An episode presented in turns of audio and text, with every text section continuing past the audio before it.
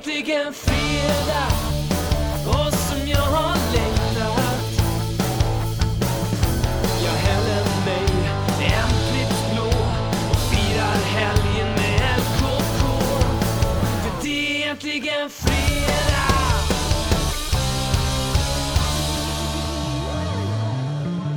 Det är äntligen fredag och veckans andra avsnitt av den värmländska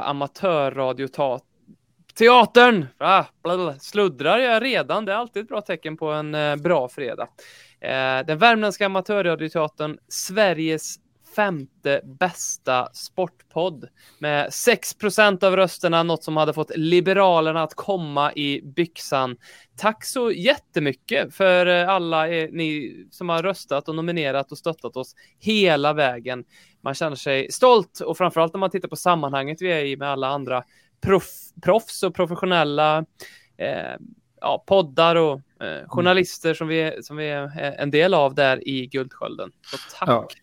Och, och verkligen alla som, som, som röstar på oss kan ju känna att de har varit med och bidragit till någonting historiskt. För att jag tror att det är en historiskt låg siffra i Guldsköldens sammanhang. Lä, lä, lägsta röstprocenten i Guldsköldens historia måste det vara. Ja. Men det var ju som någon sa, ni hade inte varit en äkta Tottenham-podd ifall ni Nej. hade vunnit det här. Är det sant. Eh, ja, så, så är det. Eh, Fredagspub är vårt eh, koncept med en liten kortare podd som kommer ut på fredag. Vi vill eh, kila in oss lite i ditt fredagsmys. Vi vill åka snålskjuts i dina blodådror tillsammans med den där goa pripsen du precis valt eller det alkoholfria alternativet för den delen. Eh, och idag ska vi göra det kring ämnet Chelsea eh, som ju, det har varit en händelserik dag det här. Eh, Chelsea som ju precis då har drabbats av sanktionerna som slår mot deras ägare Roman Abramovic. Först och främst måste jag bara säga det här. Såg ni när, kommer inte ihåg vad myndigheten hette, men den i den brittiska myndigheten som eh, idag la ut på Twitter att de eh, nu slår med sju, sju stycken oligarker slår de stenhårda sanktioner mot. Eh, när de la ut den tweeten, såg ni den eller? Ja, med, med grafiken som de hade på varje oligark. Ja. Ja. som ser ut som att så här, de precis har gjort mål i, i, i Uefa Conference League. Ja, ja men det, såg, det såg ut som liksom att det var en så här eh, spänningsroman som de gav Ja. ut för varje oligark. eh, Så, här. Eh, och de- den där fick lite skit, men jag måste säga att jag älskade det där. Fan, vad, vad jag, det- så ska det se ut. Myndigheter som all, alltid annars delvis förklarligt brukar vara så stolpiga och tråkiga. Så lite rock'n'roll och lite bus, så där gillar man. Ja, men vill när jag tänker till. De vet att det kommer få retweets. Så Mm. nu kör de. Mm, exakt. Eh, Chelseas eh, klubb, eh, klubben Chelsea var ju upp eh, för, för försäljning, det vet vi sedan innan och det har ju funnits ett, ett gäng spekulanter men nu riktas ju de här sanktionerna och, och som nu också trädes i kraft mot Abramovic på ett sådant sätt att, att den försäljningen pausas. De får inte heller ta in några intäkter. Går man till Chelsea Megastore just nu så möts man av en simpel text och en, på en, en svart text på en vit sida som det står. Vi har valt att stänga ner sidan just nu med, med tanke på omständigheterna. Eh, de har fått begränsningar på hur mycket pengar de får spendera som klubb. En eh, resekassan bland annat har det snackats mycket om eh, kraftigt begränsad bland annat. Då. Eh, var ska vi börja i det här? Var, ska vi börja med reaktionen? Hur har, vi, hur har vi känt oss idag när vi läser det här? Äntligen. Rättvisa på något sätt ändå.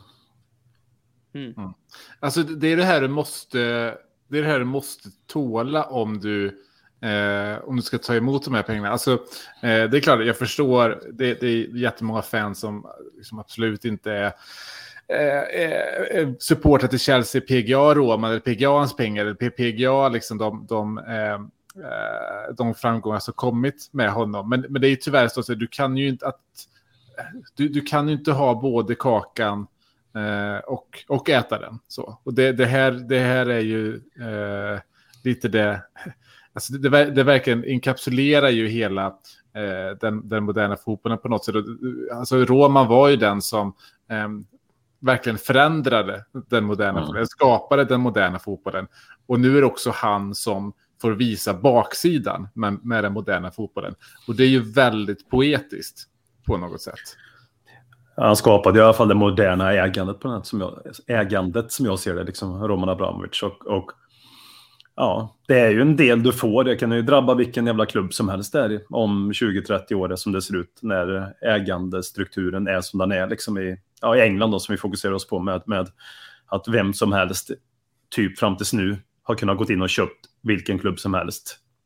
Um, då kan du också få de här konsekvenserna.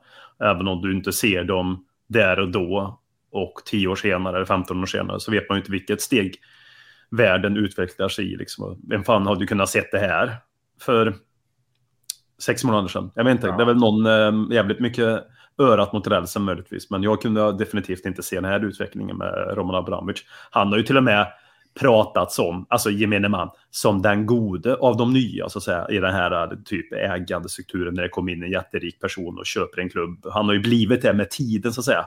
Han bryr sig om Chelsea. Han vill Chelseas bästa. Han är inte som de andra och allting det här. Liksom. Um, ja, han kanske har döljt det, döljt det bättre än de andra. Det är väl det han kanske har gjort. I alla fall för mina öron och ögon. Mm. Jag tycker ju, förutom den här goa, goa skadeglädjen som jag känner, så är det något annat, en annan känsla som har tänt sig i mig idag som är lite framtidsinriktad och det är någon form av förnyat hopp på något vis. Att man vet att smutsiga, korrupta pengar aldrig kommer att hålla i längden utan det kommer att fallera till, till slut. För det har det alltid gjort.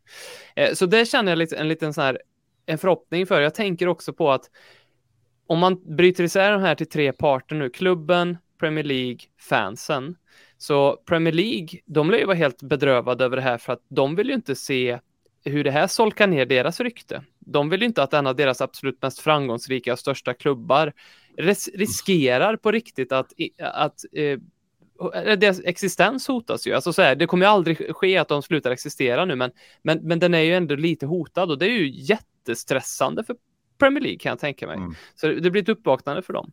Eh, och det gör ju att de antagligen tänker att, nej men fan, vi, vi måste strama åt det här. Vi skulle gjort det för länge sedan, men vi måste strama åt det här nu med vilka det faktiskt är som får stå bakom och äga en fotbollsklubb så att inte det här händer igen. Mm. Jobbigt läge för er att ni har Saudi och så här.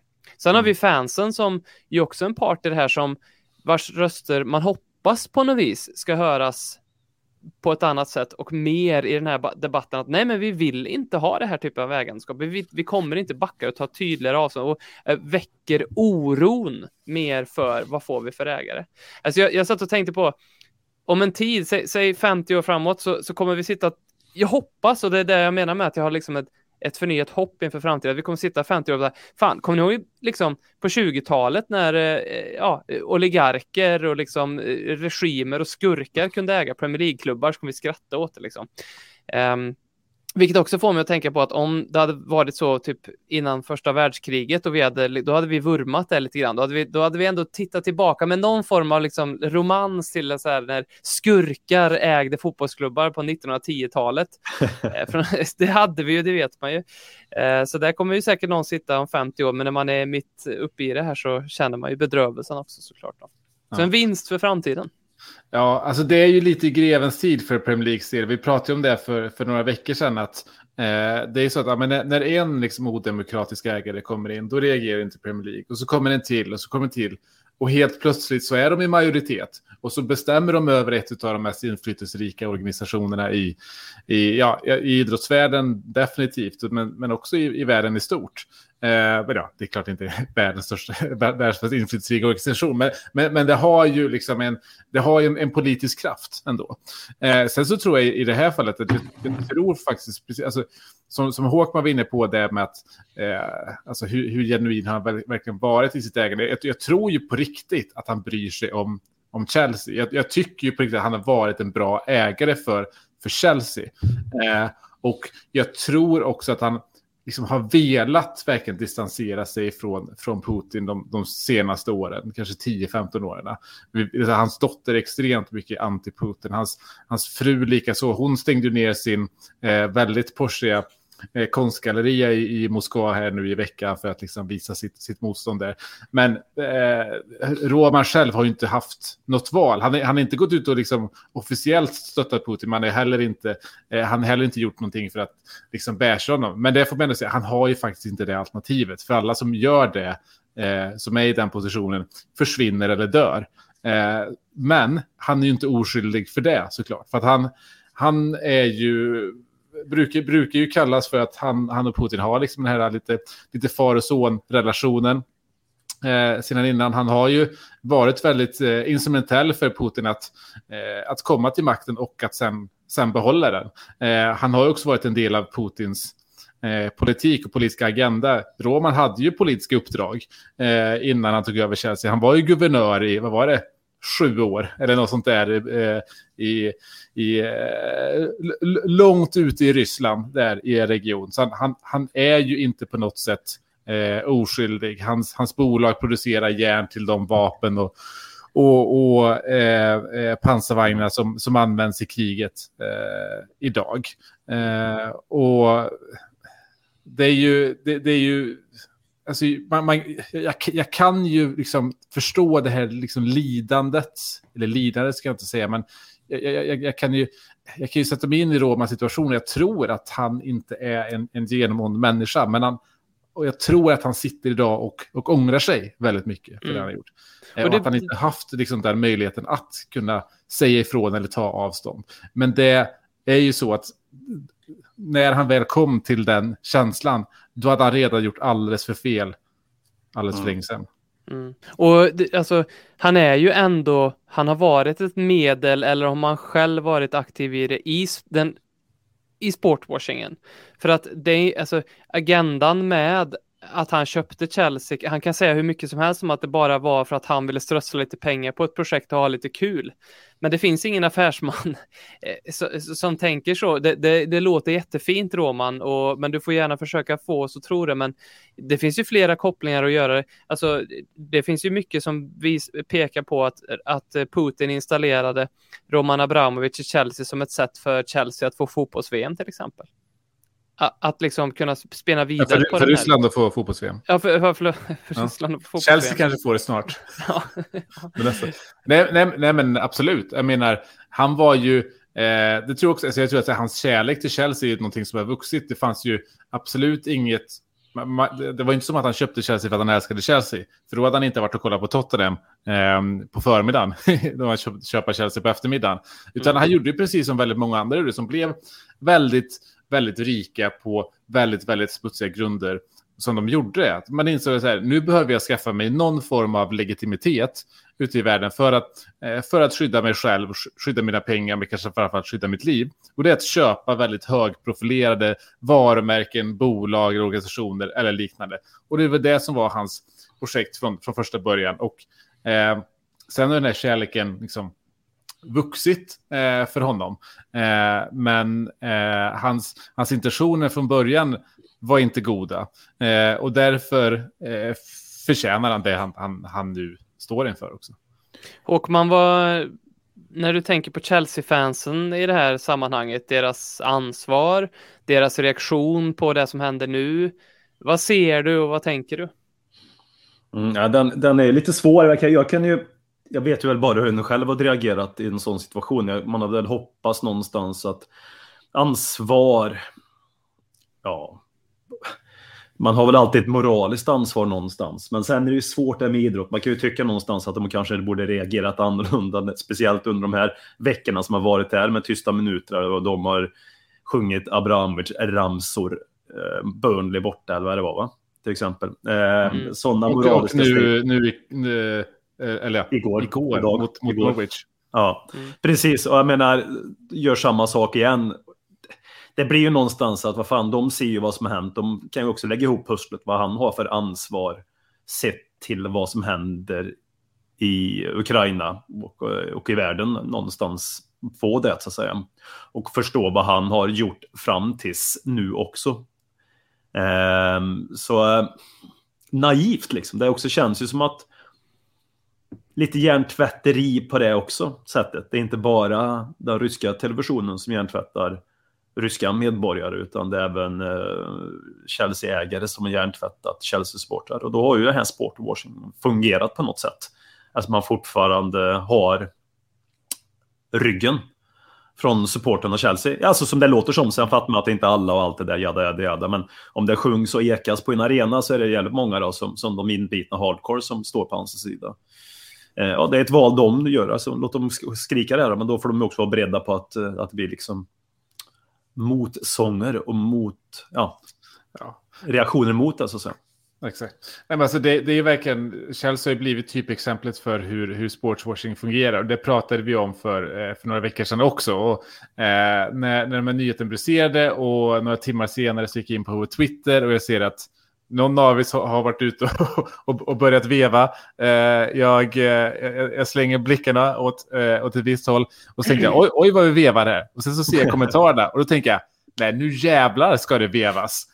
Alltså för de, de, de, de svaren vi får är ju bara rena beviset på det. För att du kan, eh, du kan tycka vad du vill om, om, om olika ägare. Vi gillar inte våra ägare. Eh, men om du, om du liksom jämställer amerikanska ägare eller vad det nu än är eh, med det som Abramovic är. Det då går du verkligen Putins och Kremls ärende. För det är det som är hela poängen med sportswashing. Att relativisera Mm. deras onda gärningar mot, mot andras. Eh, så eh, det är eh, tyvärr ett typexempel, inte bara på hur det fungerar, men att det fungerar. Och inte bara att det fungerar i London i det här fallet, utan att det fungerar här i Sverige också. Eh, och eh, det är bara så jävla förkastligt. Och det är fotbollen själv som har satt sig i den här situationen. Men förhoppningsvis är det någon form av uppvaknande snart. Och det, det, det med uppvaknande hoppas jag kommer också nu för att han har ju också varit med och normalisera hela den här liksom, sportwashing-grejen på något sätt. Att, att oavsett vilken ägare som har kommit till vilken klubb efter det här så har det också normaliserats och blivit någon form av uh, eh, var och varannan i alla fall eller tillräckligt många supportrars dröm att få en ägare som bara pumpar in pengar i klubben oavsett vem ägaren är, oavsett vilka, vilken stat eller vart pengarna kommer ifrån. Så hans inträde i det här sättet, bara för att ta, lyfta den bollen, har ju också normaliserat eh, alltså City, PSG, Newcastle nu, det såg man ju de reagerade när han kom. De började hela tiden jämföra med andra personer. Titta vad de gör där, titta vad de gör där. Våra ägare är ju inget annat. Varför får inte... Ja, ni förstår, som du var inne på det Per. Så alltså, hans inträde var ju också startskottet till det onda. Så det känns ju skönt att man tar den, tar den eh, roten först någonstans och hugger ner den. Så för, förhoppningsvis så faller det andra med det. Inte för att jag tror det gör direkt, men alltså, som du sa där Robin, att jag tror att det här kommer ju definitivt leda till att att nya ägare av samma dignitet, samma liksom moraliska kompass som är åt helvete, kommer liksom inte få tillträde alls på samma sätt nu. Det kommer inte hända liksom. Det är, alltså, jag skulle göra mig otroligt förvånad om det skulle ske här och nu och inom en ganska lång framtid sett till minnen och ärren det här kommer leda till och rädslan framförallt, för det tror jag bygger på att det inte kommer hända igen, är det ju en rädsla liksom ifrån Premier League att Ja. se dåliga ut. Det är inte så att de helt plötsligt har vaknat upp, sett Nej, nej. oj, oj, oj, Nej. rannsakar sig själva, sitter där på sitt kontor med klubbarna eller ägarna till det och inser att ja, fan, nej, för fan, det var ju skött, skött dåligt. Utan det är ju save yourself, liksom. Precis som Roma gör när han ska sälja Chelsea. Save yourself. Det, det är ju många gånger vi har suttit i den här podden och eh, beklagat oss över Daniel Levy. Och det är säkert så Nej. att Daniel Levy inte har ett eh, helt rent samvete heller. Eh, han går, vad vi vet, inte någon blodig regims ärenden med det han gör i alla fall. Men, Han har eh, inte installerat den regimen heller. Nej, exakt. Eh, men det är möjligt att han eh, har gjort eh, en hel del eh, tråkigheter och dumheter han också såklart. Det finns ju i det någonting positivt även för oss, för det är ju nog inte otänkbart att han säljer inom en hyfsat överskådlig framtid. Sannolikheten efter idag och den senaste tiden har nog liksom gått åt ett helt annat håll för att att, att vi ska hamna i händerna på en saudisk eller en eh, ryss eller en, ja, ja, en sån typ av regim, typ av ägare. Så vi kommer nog inte få det. Jag tror inte ens Chelsea kommer få det. Chelsea kommer nog få något jävligt reko här, antagligen. Därför att Premier League kommer vara jävligt måna om att det blir så. Eh, och även Chelsea själva, med, med vilka de säljer sig så här. Och det handlar återigen inte, som du var inne på Per, om nationaliteter. Det skulle kunna komma in en saudier i rummet och köpa som är helt reko. Det handlar Ja, inte om nationaliteten. Det handlar om att saudien som kommer in i rummet och köper inte ska vara där för att staten har bett honom om det och skänkt han pengar för att han ska liksom gå deras äganden och göra den här relativiseringen så att säga.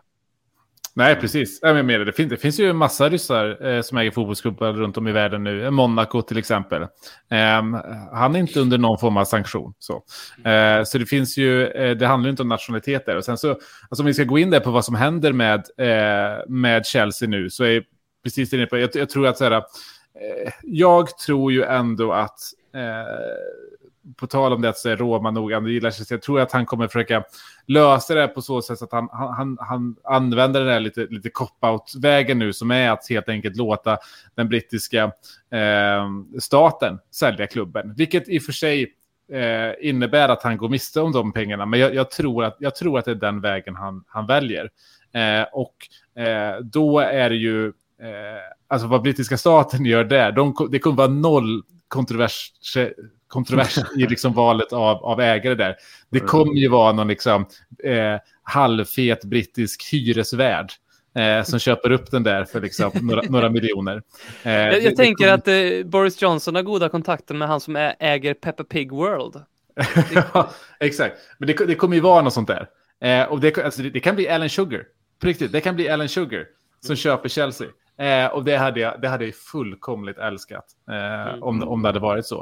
Eh, men jag tror att tror, folk spelar ner lite de, de långsiktiga konsekvenserna. Jag tror att det är de långsiktiga, jag tror att det här är det det får, det är långsiktiga konsekvenser. För, att, för det första, jag, jag, de, får en, en, de kommer få en ägare som egentligen inte borde äga en fotbollsklubb. Det är det jag tror kommer, kommer hända. Eh, alltså har man varit inne på de som har funnits på köplistan nu, turken, schweizaren, eh, någon, någon, någon britter också. Det, det är väldigt förmögna människor som förmodligen är kapabla till att äga en sån här klubb. Jag, jag, tror att utifrån brittiska statens perspektiv, jag tror att man kommer kom, liksom välja en så okontroversiell part som möjligt i så fall. Och det är nog inte någon som ska äga en fotbollsklubb alla gånger. Eh, men sen så ser vi det vad som börjar hända nu med, med, med sponsorerna. Eh, tre har dragits ur, ganska stort belopp där. Nu såg vi också att eh, eh, eh Hyundai, eller, eller Hitachi, eh, som var, ja, skitsamma, som också överväger att dra sig ur. Eh, och det är ju 10 miljoner pund, eh, bara den dealen. Eh, så där, där börjar ju redan nu komma, komma i rullning. Sen så är det ju så med det att när de inte får eh, skriva nya kontrakt. Och då, då tänker folk väldigt snabbt på, ja men Kristensen sitter på utgående kontrakt, Rydiger etc. Och ja, det innebär ju ett problem. Men det man inte tänker på är ju liksom i ungdomsleden, där man inte sitter på långa kontrakt, där man sitter på säsongskontrakt. Alltså, det de riskerar att förlora nu är ju en, en, en hel generation av akademispelare som går till andra klubbar. Och så som Chelsea-supportrar har sagt att de kommer klara sig framåt utan Roman är ju för att vi har blivit så självförsörjande med vår ungdomsakademi och lyckats sälja så mycket spelare därifrån. Eh, och de riskerar ju på riktigt att gå miste om den, om den möjligheten. Eh, för nu kommer vilken klubb som helst kunna gå in och sno de där spelarna om de här sanktionerna håller sig eh, sommaren ut. Så, eh, så, så, det kan få väldigt eh, långsiktiga konsekvenser för dem. Mm. Mm. mm. mm.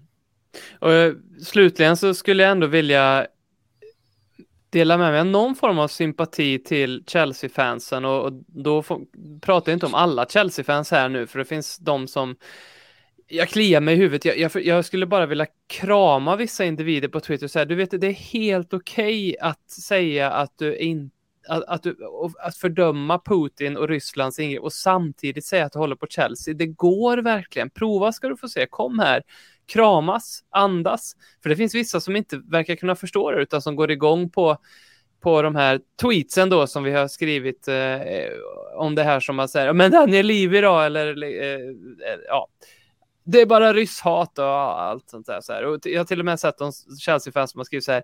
Ja, det, det, vi har, har alltid, de, har, de har alltid jagat oss. All, Chelsea, vi har, de, de försöker utrota oss. De har alltid försökt med det så här. Ja, det, det har vi absolut faktiskt när det kommer till sådana här saker. Eh, men så finns det även de som eh, faktiskt alltid har tagit ett eh, avstånd från det. Och, och de gläds jag oerhört mycket en sån här dag. För, för jag måste ju, det måste ju finnas de Chelsea-fansen som idag ser det här som början på något nytt eller slutet på 20 jävligt mörka år. Eh, det finns de Chelsea-fansen som har försökt argumentera mot och sagt så här, ja men vi var, vi var stora och bättre än er även innan Roman kom in i bilden. Ja, och då var ni där på sportsliga fina grunder. Så jättebra, klapp på ryggen, ni har helt rätt, klapp, alltså, bra, det, det, det är där vi vill ha er alltså de här titlarna de har fått under Roman, de kommer ju liksom, ju mer det här zoomas ut och ju mer perspektiv vi får på det, det kommer ju ses som liksom typ så här, de här bilderna som Tinder, Tindersvindlaren tog liksom på alla sina lyxjotter och sina flygplan. Så, ja, men du har bara skaffat det där på fejkgrunder, det är ingen som bryr sig om det, där, en jävla idiot. Liksom. Det är så de här titlarna kommer ses i efterhand. Mm. Eh, så låt oss tävla sportsligt igen. Och ni vet vad det innebär. Vi vann Premier League 16-17. Där har vi det! Ja. Och Är det någon, liga, kanske? Ja, ja. Ja, nå, någon ligacup också. ja. Ja. ja, men du ser. Vad fan, får vi gratulera oss till Premier League-vinnare nu så här några år äh, efterhand. Då. Fan vad mäktigt. eller hur?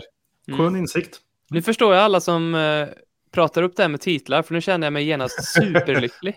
Exakt. Exakt. Jävla Arsenal, när var ni senast Premier League? Exakt. Ja. Ja. Ja. Men det var fin. Eh, Grattis! tack detsamma. Mm. Vi får väl passa på att önska er en eh, fortsatt trevlig helg. Helg är ju det absolut bästa som kan inträffa. Och det inträffar ju som tur är varje vecka. Och något annat som också inträffar varje vecka, det är ju Lelle Kings knä. Vi är tillbaka igen nästa vecka. Vi hörs då. Hej! Ciao.